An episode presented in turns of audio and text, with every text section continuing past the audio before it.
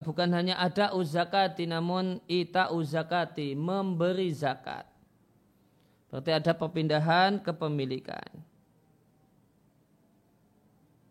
Nah, zakat makna asalnya dalam bahasa Arab artinya nama berkembang atau bertambah.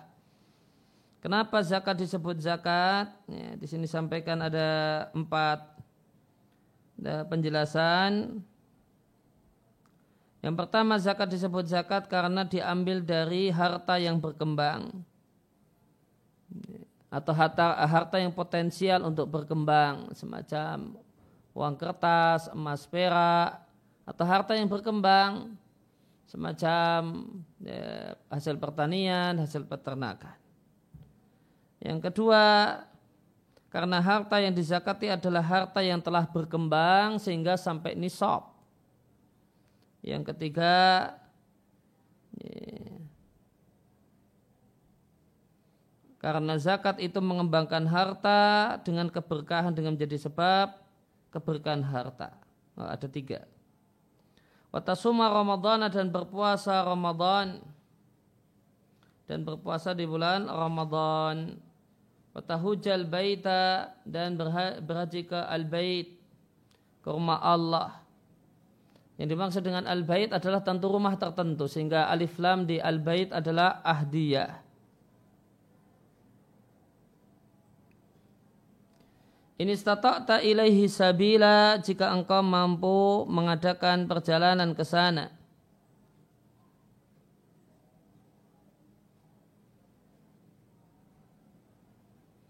Nah, kenapa eh, rukun Islam yang terakhir saja yang di sebut dengan ini statok tak jika mampu padahal realitanya kemampuan itu menjadi syarat untuk semua rukun Islam. Kalau tidak mampu maka tidak wajib. Maka di sini ada dua penjelasan. Yang pertama karena yang dimaksud mampu untuk haji itu kemampuan yang spesifik yaitu bekal dan kendaraan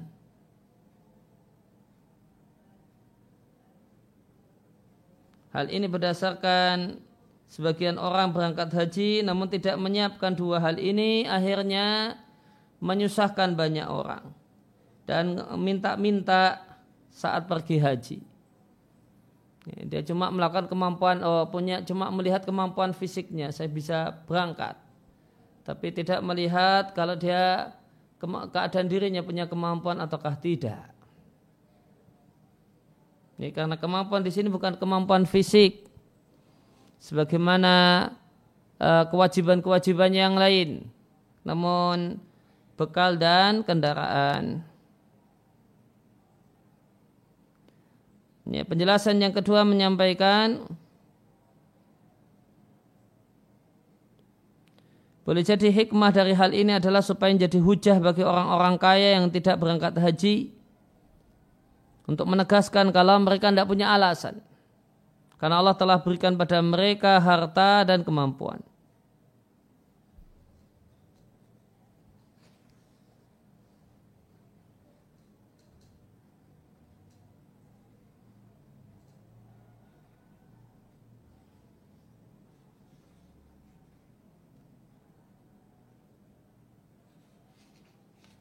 Sabila jalan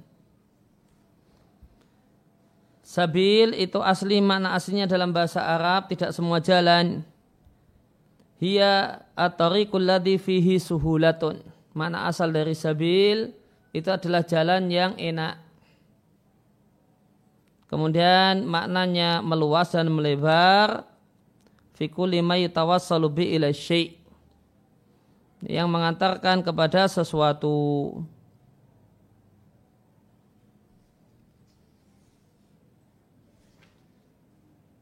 Kemudian Jibril mengatakan sodak tak engkau benar. Fa'ajibna lahum maka kami pun heran dia yang bertanya dan dia yang membenarkannya.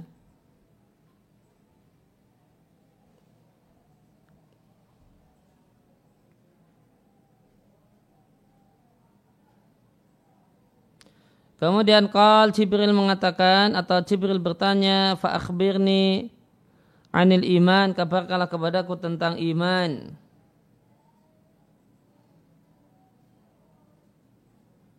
Kal Nabi mengatakan antuk minabillahi engkau beriman kepada Allah.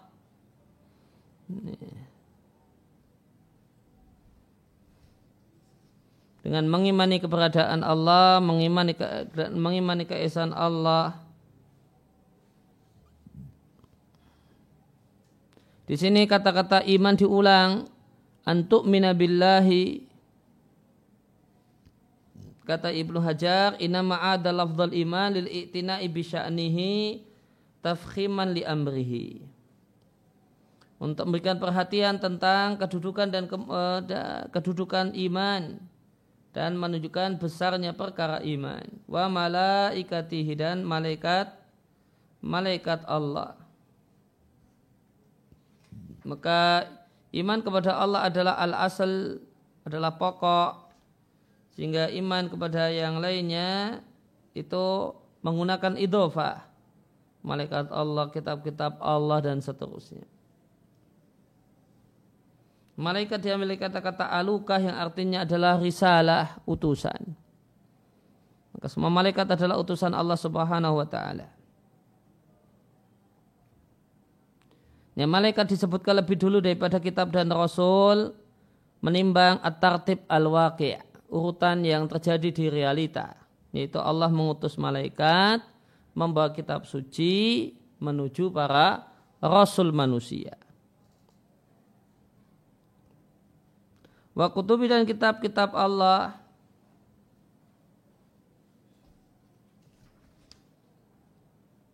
wa rusulihi dan para utusan Allah wal yaumil akhiri dan mengimani hari akhir itu yaumul qiyamah. Hari kiamat disebut hari akhir karena dia adalah akhiru ayamid dunia. Yang pertama karena hari kiamat adalah hari uh, hari akhirnya kehidupan dunia. Kemudian yang kedua atau akhirul asminatil mahdudati karena dia akhir waktu yang telah ditentukan.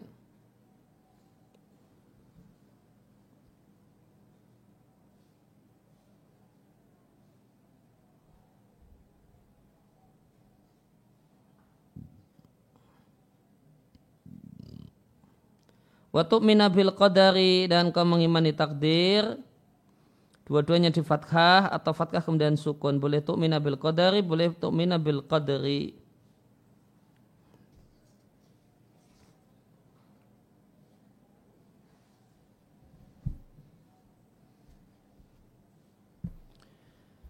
Kemudian kalau orang tersebut mengatakan sodak tak engkau benar. Kemudian fa'akhbirni kal kemudian dia katakan fa'akhbirni anil ihsan. Kabarkan kepada aku tentang ihsan. Ihsan yang diinginkan dalam uh, hadis ini adalah itqanul ibadah. Beribadah secara sempurna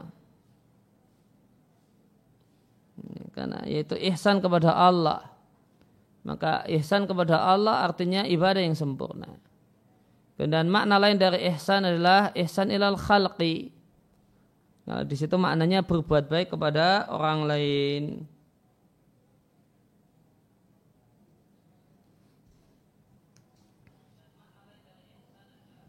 Kalau Nabi katakan anta abdallah ka'annaka tarahu. Engkau menyembah Allah seakan-akan kau melihatnya fa'ilam takun taruh fa'innahu yaraka.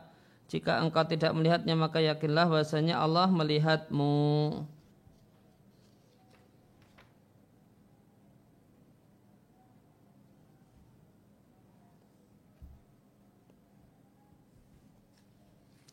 Fa'akhbirni anisa'ah. Ya, Maka kabarkanlah kepadaku tentang asa'ah kiamat Artinya kapankah terjadinya kiamat? Alif lam di asaah itu ahdiyah. Ini, saah yang dimaksudkan adalah saah tertentu yaitu kiamat. Nah, saah dalam bahasa Arab makna aslinya adalah waktu tertentu. Nah, kenapa hari kiamat disebut saah yang artinya yang bisa artinya sesaat? kata Atibi ini, ada beberapa penjelasan atau sebelumnya ada beberapa penjelasan kenapa kiamat disebut asa'ah. Yang pertama, li wuku'iha bartatan. Karena terjadi tiba-tiba, sesaat hancur sudah semuanya. Kemudian yang kedua,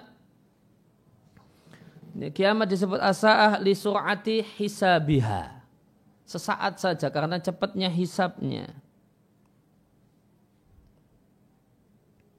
Pendapat yang ketiga malah kebalikannya litu liha karena lamanya.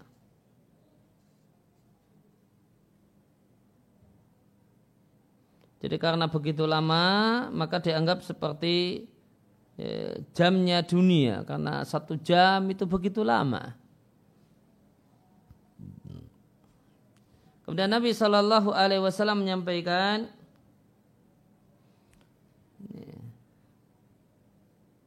Eh, sehingga karena lama ya, ribuan tahun ya, misalnya uh, apa hisap itu ribuan tahun maka kenapa disebut sesaat? Padahal dia lama maka itu seperti orang Arab memberi nama gurun pasir yang itu banyak orang mati. Ketika menempuh uh, perjalanan di tengah-tengah lautan pasir maka oleh orang Arab dikasih nama Lagun Fasir itu dengan mafaza. Tempat selamat untuk tafaul. Nah, ada yang menjelaskan ya, kiamat yang demikian lama disebut saat sesaat nah, itu untuk untuk itu sejenis itu.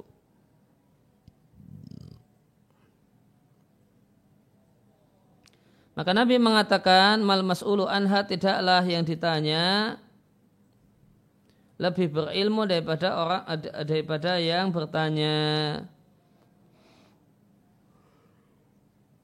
yaitu sama-sama tidak berilmu.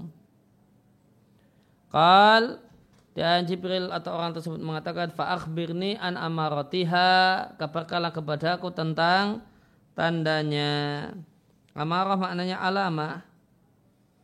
Maka dia alamah waznan wa ma'nan sewazan sama-sama wazannya amarah ama, alamah kemudian sama maknanya.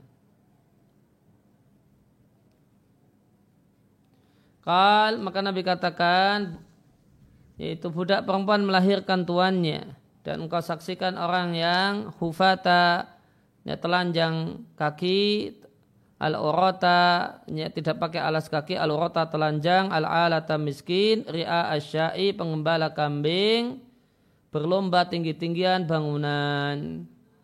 Kal thumman talaka kemudian orang tersebut pergi falabithu malian maka aku melalui waktu selama malian beberapa waktu lamanya.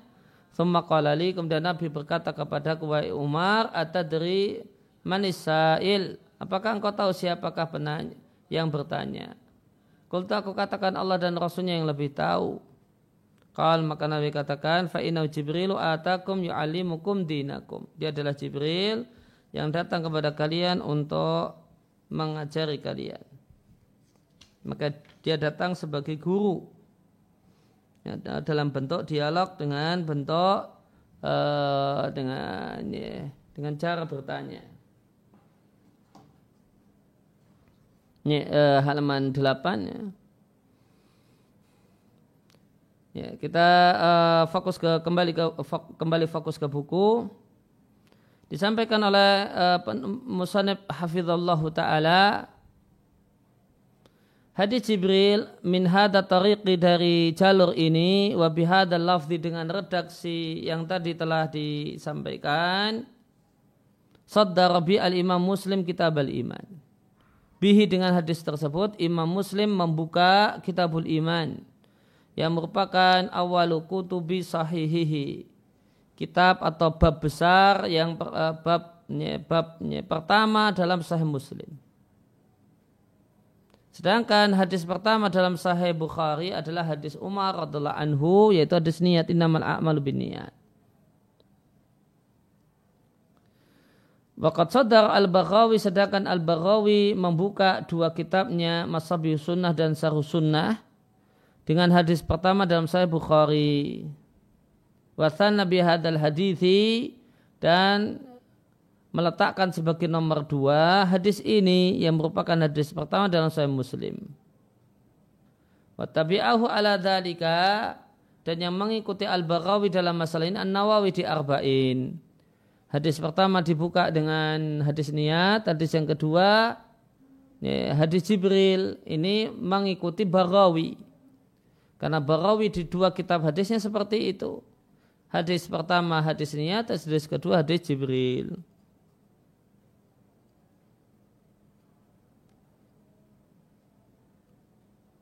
Wataqaddama fil muqaddimah dan telah lewat di muqaddimah kitab ini dicantumkannya perkataan sejumlah ulama menjelaskan kedudukan hadis ini dan agungnya kedudukan hadis ini. Kemudian hadis ini min musnadi Umar dari mus, uh, dari musnadnya Umar. Musnad Umar artinya ya, sahabat yang meriwayatkannya adalah Umar. Hadis ini bersendirian dikeluarkan oleh Muslim dari Bukhari.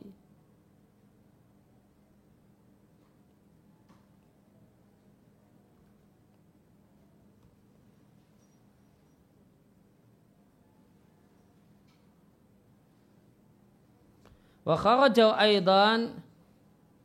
Dan hadis ini juga dikeluarkan sebagaimana dalam catatan kaki kitab Jami' Ulum wal Hikam dan Musnad Imam Ahmad. Juga diriatkan oleh Abu Dawud, Tirmidzi, Nasai, Ibnu Majah, Ibnu Mandah dalam Iman, Toyalisi, Ibnu Hibban, Al-Ajuri di kitabnya Syariah, Abu Ya'la, Baihaqi di kitabnya Dalail Nubuwah, dan di kitabnya Syu'abul Iman, Barawi di Sarul Sunnah, Al-Maruzi di Ta'zim Qadri Salah, Abdullah Putra Imam Ahmad di As-Sunnah, Al-Bukhari di Khalqu Af'alil Ibad dan Ibnu Khuzaimah. Ya, kalau dari jalurnya Umar maka hanya diriatkan oleh uh, oleh Muslim dan yang lainnya. Sedangkan yang mutafakun alaih Bukhari dan Muslim itu adalah yang dikeluarkan atau diriatkan dari Abu Hurairah. Waqat rawahu dan hadis ini juga diriatkan di halaman 9 dari Rasulullah Shallallahu Alaihi Wasallam oleh lima sahabat yang disebutkan oleh Al Hafidh Ibnu Hajar di Fathul Bari yaitu Abu Dar ini riat Abu Dawud dan Nasai Ibnu Umar ini riat Ahmad dan Tabarani serta Abu Nuaim Anas dalam riat Bukhari di Af, Khalqi Af'alil Ibad dan Al-Bazar Waqal Bazar mengatakan sanatnya Hasan. Kemudian Jari bin Abdullah Al-Bajali dalam riat Abu Awana, Ibnu Abbas dan Abu Amir Al-Ash'ari dalam riat Imam Ahmad. Waqal dan Imam Ahmad mengatakan sanat keduanya Hasan. Kemudian fikisah dalam kisah yang dibawakan oleh Imam Muslim sebelum rangkaian hadis dari Yahya ibn Ya'mar dan Humaid ibn Abdurrahman al-Himyari Nah, fawaid mengandung sejumlah pelajaran. Ini kemarin telah kita singgung tentang Yahya ibn Ya'mar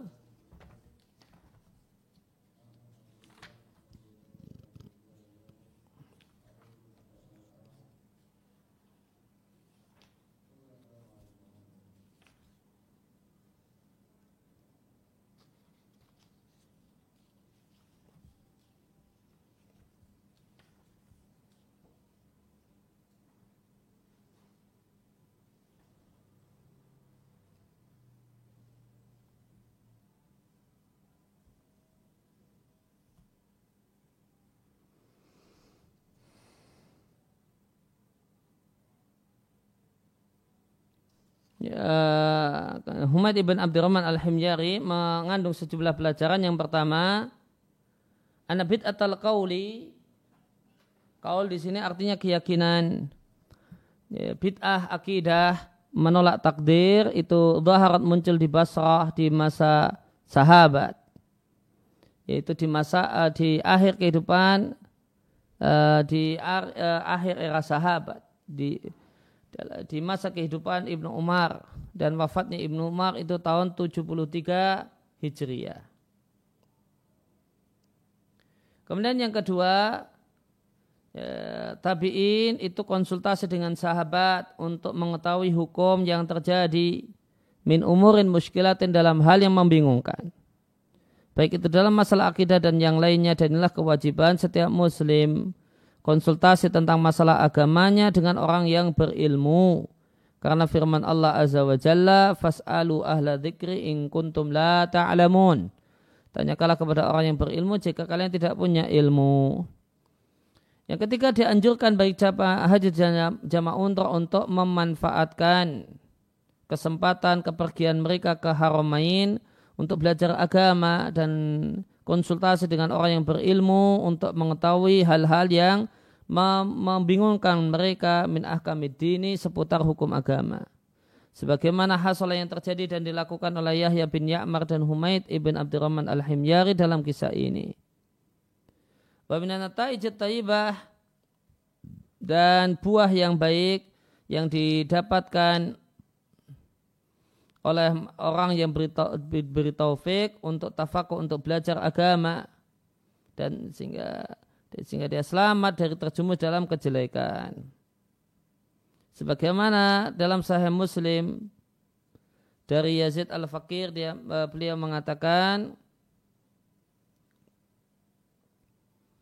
ini manfaatnya konsultasi dengan orang yang berilmu ya, terjadi pada kasus Yazid Al-Fakir. Dia mengatakan kuntu sarafani aku menyukai salah satu pendapat Khawarij. Maka aku pergi fi isobatin bersama rombongan dawi adatin sejumlah orang. Kami ingin pergi haji.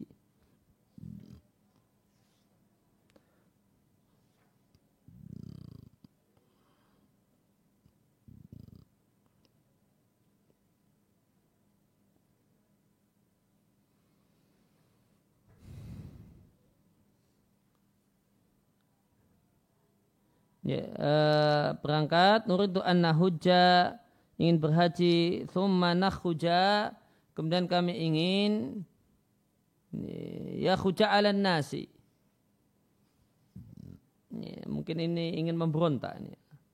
Nakhuja ala nasi.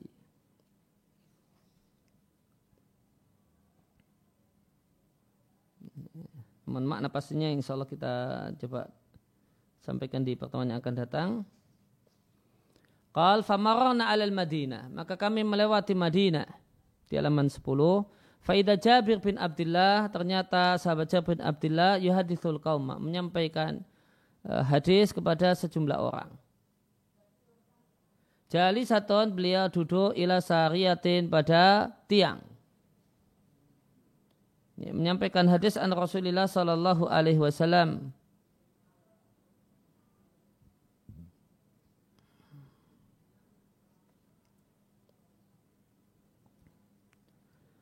uh, qal fa idza waqad dzakara kata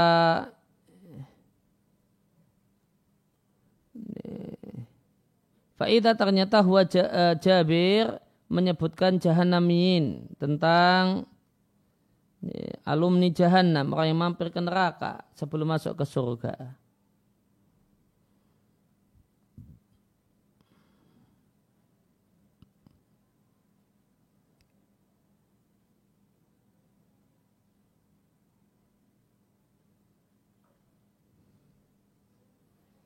Disebut dengan jahannamiyin.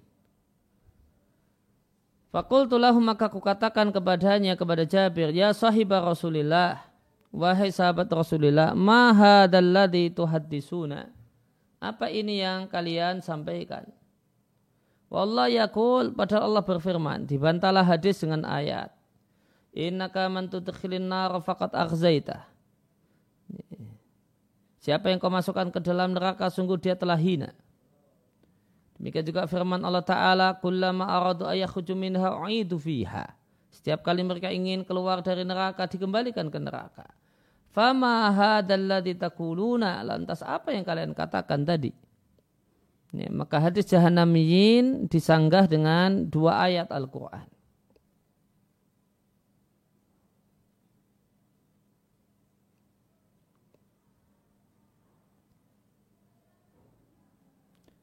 Fakal maka Jabir bertanya, Atakra'ul Quran, apakah engkau membaca Al-Quran atau hafal Al-Quran? Kukatakan iya. Apakah engkau pernah mendengar tentang makom kedudukan Muhammad alaihi salam? Yakni Allah dia ba'asuhu fihi yang diberikan untuk beliau. Kukatakan iya. Kal maka beliau katakan fa innahu makasnya itu adalah makom kedudukan Muhammad sallallahu alaihi wasallam al-mahmud yang terpuji yaitu syafaat. Alladhi yukhidullahu bihi yang dengannya Allah keluarkan orang-orang yang Allah keluarkan. Thummana'ata kemudian beliau ngasih gambaran diletakkannya sirat, lewatnya manusia di atas sirat. Kal ya, Yazid mengatakan, Yazid Al-Fakir mengatakan, Wa akhafu dan aku khawatir aku tidak hafal hal itu. Ya, kal Yazid mengatakan ghaira namun annahu qad za'ama za'ama bima'na qala. Jabir mengatakan bahasanya sekelompok orang akan keluar dari neraka setelah mereka berada dalam neraka. Qal yakni ya, Fayakhujuna maka mereka keluar dari neraka ka'annahum aidan as-samasim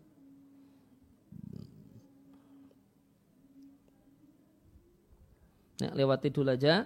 Kalau fayadkhuluna naharan lantas mereka memasuki sungai dari sungai surga kemudian mandi di dalamnya. Lantas mereka keluar seakan-akan mereka itu korotis kertas karena uh, kertas itu putih yang cemerlang. Ya, berbinar-binar, bercahaya, berseri-seri. Akhirnya faroja'na kami kembali dan kami mengatakan celaka kalian. Apakah kalian berpandangan bahasanya syekh tersebut yaitu Jabir berbohong atas nama Rasulullah sallallahu alaihi wasallam? Faroja'na maka kami kembali menggagalkan rencana kami untuk melakukan khuruj alal muslimin. Maka wallahi demi Allah uh, ma jaminna tidak tidak ada di antara kami yang ikut selain satu orang saja. Atau kama Abu Nuaim atau sebagaimana dikatakan oleh Abu Nuaim. Dan Abu Nuaim yang dimaksudkan adalah Fadl ibn Dukain, salah satu perawi sanat ini. Ya, maka Syekh Abdul Muhsin kemudian sedikit cerita tentang kandungan uh, riad di atas. Maka sekelompok ini datang untuk pergi haji dan mereka mendapatkan bencana berupa memiliki pemahaman yang salah yaitu bahasanya pelaku dosa besar tidak akan keluar dari neraka. Wahamalul ayat kemudian mereka tafsiri ayat yang waradat berkenaan dengan orang kafir yang tidak bisa keluar dari neraka mereka berlakukan kepada kaum muslimin ayatan juga dan ini adalah akidah khawarij.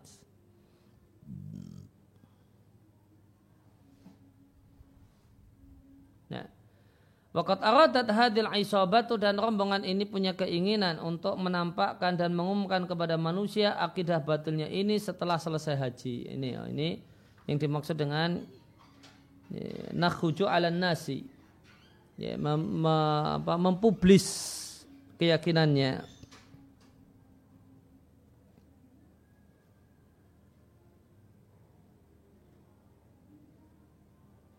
Ya, dan ini yang mereka ingin mempublis akidah batil ini setelah haji. Akan tapi dalam perjalanan Al-Maimunah yang penuh berkah ini Allah berikan taufik kepada mereka untuk berjumpa dengan Jabir bin Abdullah al-Ansari radhiallahu anhuma. Lantas Jabir menjelaskan pada mereka rusaknya pemahaman mereka.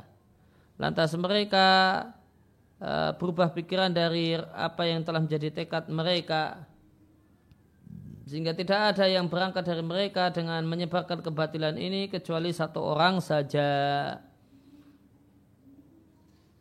Dan di sini kita jumpai di antara uh, pemahaman yang tidak tepat adalah menolak hadis, ya, menyanggah hadis dengan membawakan ayat. Ini sebagaimana yang dilakukan oleh mereka-mereka ini. Yazid Al-Fakir dan kawan-kawannya. Yang tepat ya, ayat itu ditafsirkan dengan hadis. Kemudian halaman 11 Fi hadil kisah dalam dalam kisah ini terdapat sejumlah adab. Di antaranya uh,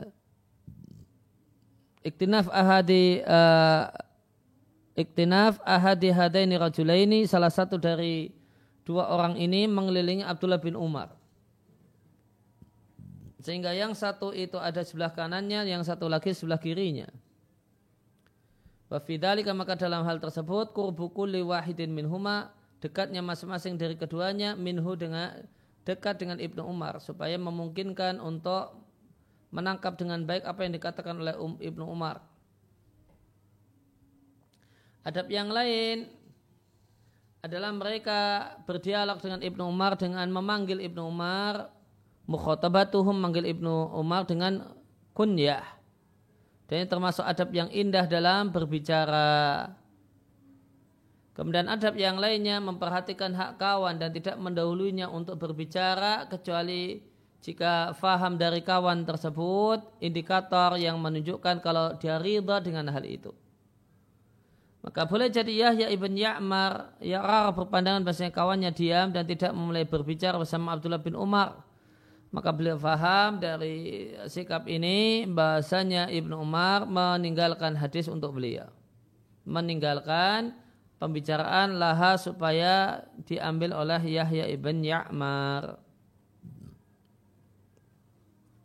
Kemudian yang kelima, anal istifta'a bahasanya minta fatwa dan belajar itu anil alim dari orang yang berilmu sebagaimana ya, kama yakunu fi halil julusihi Sebagaimana bertanya dan minta dan ambil ilmu itu dari orang yang berilmu pada saat beliau duduk, ya kuno aidan demikian juga bisa dilakukan fi hali masyihi saat beliau berjalan.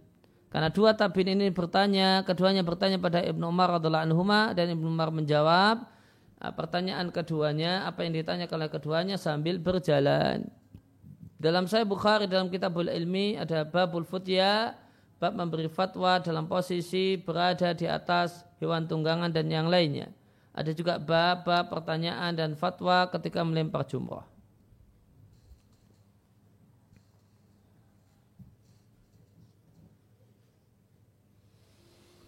Kemudian dalam jawaban Ibnu Umar radhiallahu anhuma untuk dua penanya ini menjelaskan ya, bahaya bid'ah, akidah, menolak takdir yang telah ada sejak masa dahulu.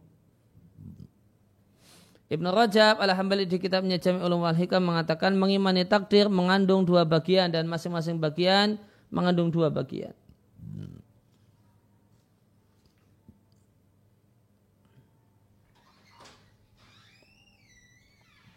Yang pertama mengimani bahasanya Allah Ta'ala sabaqa fi ilmihi. Telah dahulu dalam ilmu Allah apa yang akan dilakukan oleh hamba? Apakah akan melakukan kebaikan yaitu ibadah ataukah kejelekan yaitu maksiat? Ketaatan ataukah maksiat? Telah Allah ketahui sebelum Allah ciptakan dan Allah wujudkan. Allah telah ketahui siapakah di antara mereka yang jadi penduduk surga dan siapa di antara mereka yang jadi penduduk neraka. Allah telah siapkan bagi mereka pahala dan hukuman sebagai balasan untuk perbuatan mereka sebelum Allah ciptakan dan Allah ciptakan mereka. Wa anau kata badalika ingdahu. Kemudian yang kedua ini di poin ini ada dua kemudian Allah catat itu semua di sisinya. Dan direkam di ya, dicatat. Dan bahasanya amal hamba perbuatan hamba tajri ala berjalan ala masa baqa sesuai dengan ilmu dan catatan Allah untuknya maka isinya ilmu dan pencatatan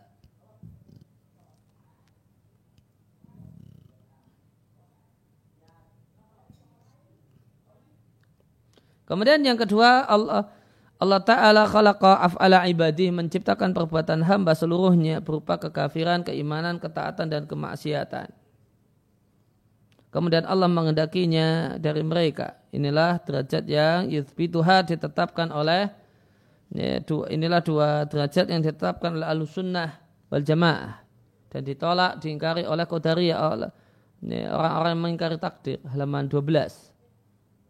Sedangkan derajat yang pertama itu ditetapkan dan diyakini oleh banyak kodaria dan diingkari oleh ekstrim kodaria.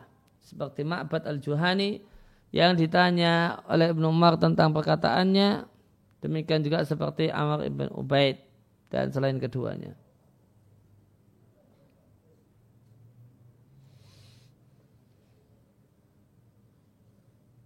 Ya, eh, kita break 2 atau 3 menit sebentar.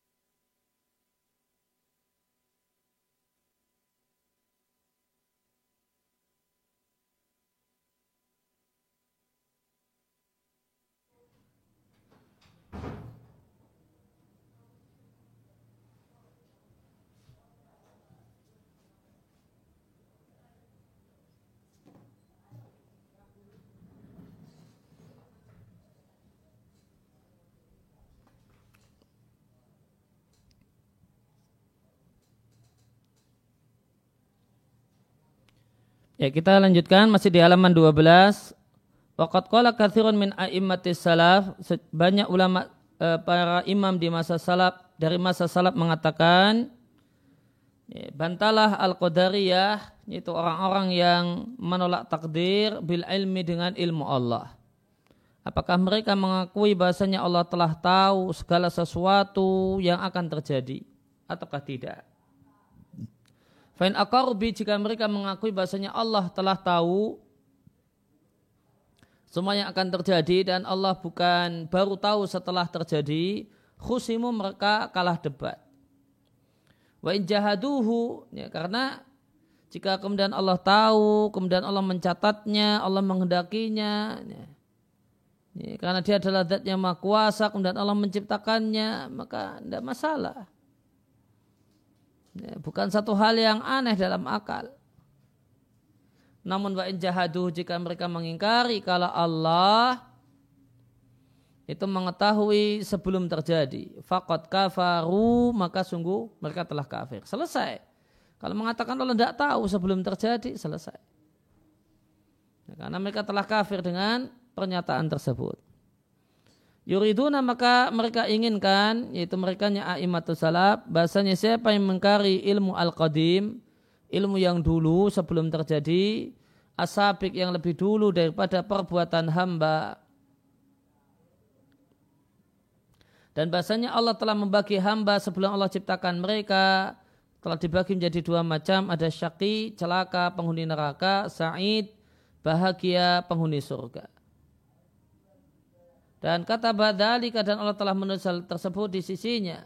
Fi kitabin hafid di catatan yang terjaga yaitulah fil yaitulah hil mahfud. Maka siapa yang menolak ilmu ini, pengetahuan Allah semacam ini, maka dia telah mendustakan Al-Quran. Fayakfur bidalik. Dia kafir bidalika karena hal itu. Wa in akaru bidalik. Namun jika mereka mengakui kalau uh, mengakui dan mengimani ilmu Allah as-sabiq, al-qadim, ilmu Allah yang dahulu. Lantas mereka mengingkari kalau Allah menciptakan perbuatan hamba. Allah menghendakinya dan menghendakinya. Minhum dari hamba. Dengan kehendak kauni kodari. Maka mereka kalah debat. Li'ana ma'akarubihi karena hal yang mereka akui adalah hujah atas mereka dalam hal yang mereka ingkari. Wa fi takfir haula'i niza'un masyhurun bainal ulama. Maka mengkafirkan mereka-mereka ini yang mengingkari darajah yang saniyah terdapat perselisihan yang terkenal di antara para ulama. Wa amma man angkara al-ilma al-qadima. Adapun orang yang mengingkari dan tidak percaya adanya ilmu Allah yang dahulu sebelum perbuatan hamba, maka Imam Syafi'i dan Ahmad telah menegaskan kafirnya. Demikian juga para imam Islam selain keduanya. Ya, maka tadi uh, tadi mengimani takdir dibagi menjadi dua darajah. Di masing-masing darajah itu ada dua hal. Nah, maka yang mengingkari darajah yang pertama yang isinya adalah ilmu dan uh, catatan catatan takdir lahil mahfud yang mengkari ini disebut dengan gulat. Ini, orang yang menolak takdir yang ekstrim. Ini, kalau kemudian yang mengkari kedua, uh, yang kedua adalah menghendaki dan menciptakan. Ini, menghendaki perbuatan hamba untuk terjadi kemudian menciptakannya. Yang mengingkarinya uh, adalah kudariyah yang tidak ekstrim. Tadi disampaikan oleh uh, Ibnu Rajab Al-Hambali apakah Qadariyah yang tidak ekstrim itu kafir ada khilaf yang masyhur perselisihan yang terkenal di antara para ulama. Kemudian sedangkan kalau untuk uh, ekstrim maka beliau tidak menyebutkan khilaf dalam masalah ini. Beliau hanya mengatakan kalau menurut fatwa tegas Imam Syafi'i dan Imam Ahmad orang ini kafir. Demikian juga para imam yang lain. Kemudian yang ketujuh bahasanya setan untuk menyesatkan manusia dan menyesatkan manusia memiliki dua metode. Ya, dan metode ini berdasarkan kecenderungan orang. Karena kecenderungan orang secara umum cuma dua. Ya, kecenderungan orang secara global itu cuma dua. Punya perhatian sama agama atau tidak. Punya perhatian sama ketaatan, masjid, pengajian ataukah tidak. Ya, cuma dua itu saja pembagian globalnya. Famangkana minhum ing famangkana minhum ing taksirun. Maka siapa di antara manusia yang dia adalah orang yang ceroboh dalam masalah agama. Seenaknya meremehkan, nggak peduli masa bodoh. Wa iradun anito'ah dan berpaling dari ketaatan. Nggak punya perhatian dengan ketaatan. Maka godaan setan tentunya adalah hasana lahu asyahawat. Maka akan dibuatkan indah. Ya, setan akan membuat indah untuk orang ini asyahawat. Ya, keinginan-keinginan yang haram. Ya, maka ya, ini manusia jenis yang pertama. Orang ini ya jauh dari masjid ya, jauh dari ibadah ya, ya, nongkrongnya di pinggir jalan di pos-pos ronda di gardu dan yang lainnya maka jauh dari ketaatan. Ya. Ya, kalau mungkin sholat ya sholatnya bolong-bolong gitu. Nah godaan untuk orang semacam ini itu tidak ya, ya, maka digoda dengan ekstrim kiri gitu mungkin bahasa sebagian orang. Ya. Digodanya godaannya disesatkan dengan ekstrim kiri untuk kemudian ya semakin jauh dari agama. Kenapa larut dengan maksiat?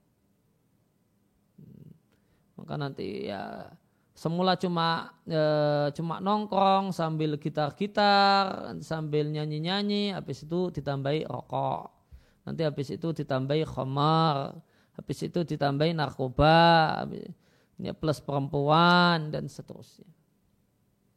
Hasana lahu asyahawat. Dan Nabi Shallallahu Alaihi Wasallam menyampaikan surga di hufat dipenuhi dikelilingi dengan hal-hal yang tidak disukai sedangkan neraka dikelilingi dengan hal-hal yang diinginkan oleh ya, bisyahawat dengan keinginan-keinginan yang haram. Diatkan Bukhari dan Muslim yukalu lahu nah hal ini disebut dengan penyakit syahwat contoh penyakit syahwat firman Allah Ta'ala fala nabil kaul maka janganlah perempuan itu melembut-lembutkan ucapannya. Fayatama'a dampaknya akan berkeinginanlah orang yang di dalam hatinya terdapat penyakit yaitu penyakit syahwat. Kemudian manusia kategori yang kedua, amma mangka namin ahli ta'ah. Adapun orang yang dia adalah orang yang ahli taat, ahli ibadah. Senang ke masjid, senang baca Quran, senang yang baik-baik. Gak suka dengan maksiat, maka setan akan mendatanginya dari jalur al-ghulu fiha berlebihan dalam taat dan ilqa'u subuhat alaihi dan memasukkan kepadanya subuhat ya, pemahaman yang rusak akidah yang rusak tentang uh, tentang takfir tentang uh, uh, sikap dengan orang kafir sikap dengan pelaku maksiat dan seterusnya. Nah, orang-orang yang taat ini dibuat berlebih-lebihan, dibuat tidak bijak, ya, tidak pas dalam menyikapi ahli maksiat, dalam menyikapi ahli bid'ah, dalam menyikapi pelaku kekafiran dan kemusyrikan. Nah, maka dibuatlah ekstrim kanan, diajak ke ekstrim kanan.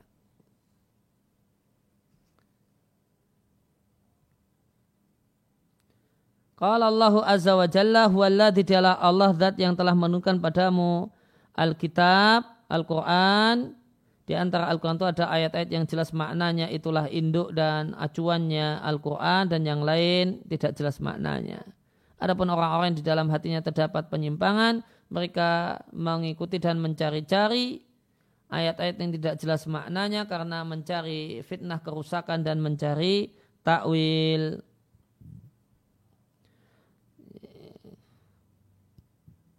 Mencari penafsirannya. Padahal itu satu hal mutasyabihat yang tidak diketahui tafsirannya. Dalam Sahih Bukhari dan Muslim dari Ibunda Aisyah radhiallahu anha sehingga Nabi Shallallahu Alaihi Wasallam membaca ayat ini halaman 13 Fakal lantas Nabi mengatakan Idza ra'aitumul ladzina yattabi'una jika kalian menjumpai orang-orang yang mencari-cari dalil yang atau ayat ini tidak jelas maknanya maka itulah orang-orang yang Allah maksudkan.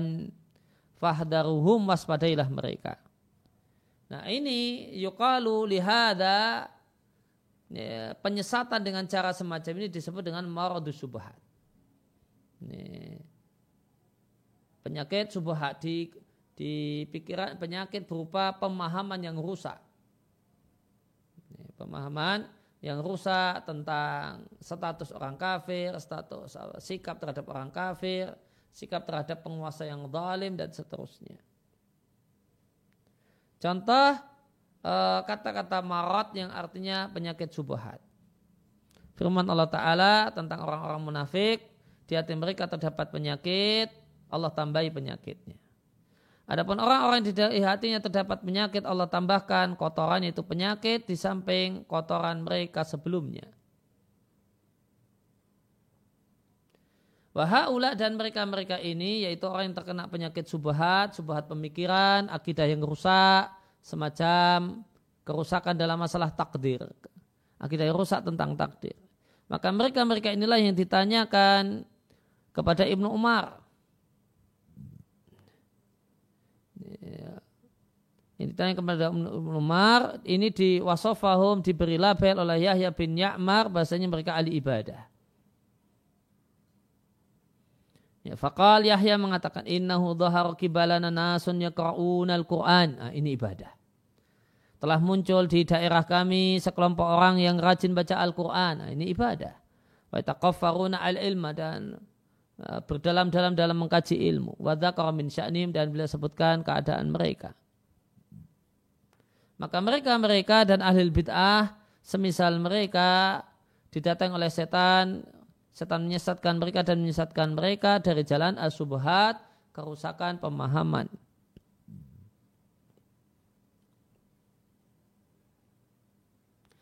Kemudian pelajaran yang kedelapan, seorang mufti alangkah indahnya seandainya menggabungkan antara menyebutkan hukum dan dalilnya. Pelajaran dari Abdullah bin Umar radhiallahu anhuma, beliau menyebutkan pendapat beliau tentang mereka-mereka dan beliau berlepas diri dari mereka, kemudian beliau bawakan mustadilan dalam rangka berdalil mendalil hal tersebut dengan hadis Jibril al-mustamil yang memuat bahasanya di antara usulul iman di antara arkanul iman adalah mengimani takdir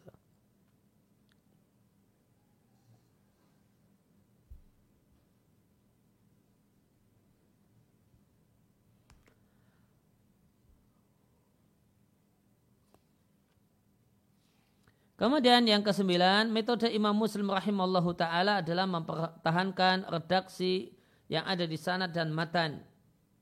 Beliau menyebutkan hadis kama huwa sebagaimana apa adanya tanpa dipotong-potong dan diringkas. Lain hanya dengan Imam Bukhari. Walihata oleh karena itu beliau bawakan hadis Jibril huna di sini secara utuh dan tidak diringkas. Misalnya mencukupkan diri dengan menyebutkan iman dengan takdir Al-Hafidh Ibnu Hajar di biografi Imam Muslim di Tahdzibu Tahdzib mengatakan maka terwujud bagi Imam Muslim dalam uh, kitab beliau bagian atau keberuntungan yang besar, mufritun yang luar biasa yang tidak didapatkan satupun semisal beliau. Biasa di mana sebagian orang sampai-sampai lebih mengunggulkan Imam Muslim daripada Sahih Muhammad bin Ismail Al-Bukhari. Kenapa kok dinilai lebih unggul? Wadhalika hal tersebut? Karena menjadi lima ikhtasa.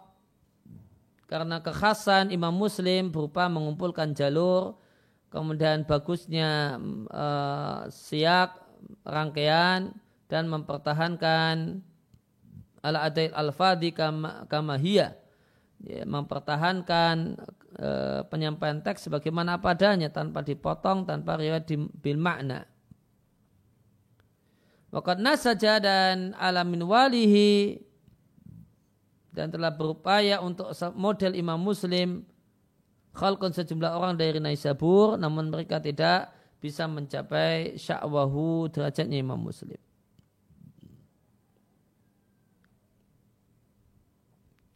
Dan aku hafal dari mereka lebih dari 20 imam yang menulis mustakhat satu model kitab. Ini mustakhat imam muslim berarti dibawakanlah uh, ada penulis setelah imam muslim dia punya sanad untuk hadis-hadis uh, yang ada dalam sahih muslim yang ketemu dengan imam muslim di gurunya apa di gurunya gurunya nah, maka hadis-hadis yang mengumpulkan hal ini namanya mustakhat Mustakhat untuk saya muslim. Maka subhana al-mu'til wahab. Maksudnya Allah zat yang memberi dan zat yang maha pemberi.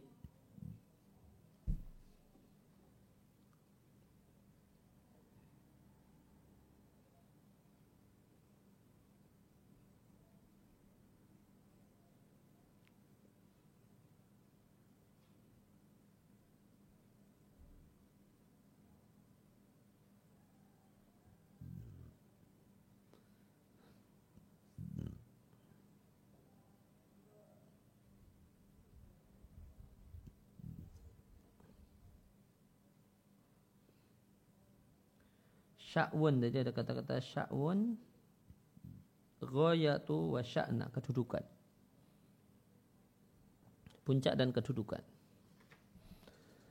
Kemudian di halaman 14, kauluhu bainama nahnu pada saat kami di dekat Rasulullah sallallahu alaihi wasallam pada satu hari muncullah di tengah-tengah kami seorang yang sangat putih pakaiannya, sangat hitam uh, rambut kepalanya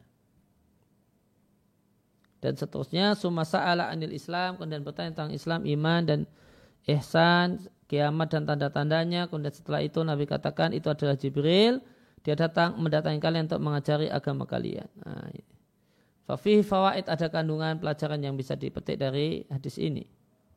Ini kalau tadi ada 9 pelajaran tentang uh, mukadimah. Mukadimah dari hadis. Kemudian kita masuk pada hadisnya. Yang pertama, pelajaran atau petikan hikmah yang pertama terdapat dalam Sahih Bukhari dan Muslim dari Abu Hurairah beliau katakan adalah Nabi Shallallahu Alaihi Wasallam barizan yauman lin nasi. Pada satu hari beliau uh, muncul bersama banyak sahabatnya. Dalam Sunan Abu Dawud dengan sanad yang saya dari Abu Dar dan Abu Hurairah keduanya mengatakan adalah Rasulullah Shallallahu Alaihi Wasallam duduk di tengah-tengah para sahabatnya. Maka datanglah orang asing dan tidak mengetahui siapakah mereka sampai dia datang bertanya kemudian dia mencari Rasulullah Sallallahu Alaihi Wasallam. Fatalabna maka kami minta pada Rasulullah Sallallahu Alaihi Wasallam supaya kami jadikan bagi orang yang asing majelisan satu majelis satu forum yang dikenal oleh orang-orang asing jika mau datang pada Nabi. Maka kami kami bangunkan untuk Nabi dukanan semacam tempat yang tinggi. Ini bukan dukan di sini bukan toko ya. Mintinin dari lumpur, Nabi mendudukinya dan kami pun e, najlis duduk di samping kiri dan kanannya. Maka dalam hadis itu terdapat dalil sepatutnya seorang muallim, seorang guru itu berada di tempat yang lebih tinggi karena dibuatkan dukan tadi supaya orang dikenal oh ustadznya itu waliyarahul hadirun dan semua yang datang bisa melihatnya jaminan semuanya La lebih-lebih idakan al-jam'u jika rombongan tersebut banyak. Maka uh, al-jami' uh, semua pihak bisa mengambil faedah darinya. Nah, ini sisi pendalilannya karena dibangunkan dukan tempat yang tinggi gara-gara banyak orang Arab Budui uh, nemuin Nabi namun tidak tahu Nabi itu yang mana karena tidak dikenali.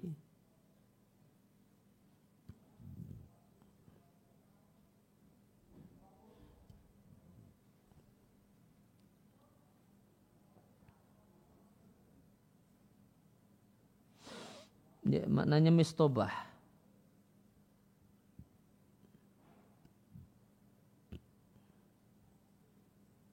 Ya, tempat yang tinggi gitu.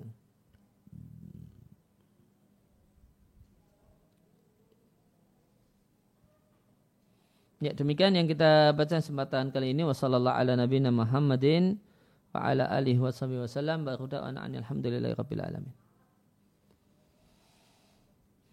Ada pertanyaan? Enggak ada. Ya subhanakallahumma bihamdika asyhadu an la ilaha illa anta astaghfiruka wa atubu ilaik.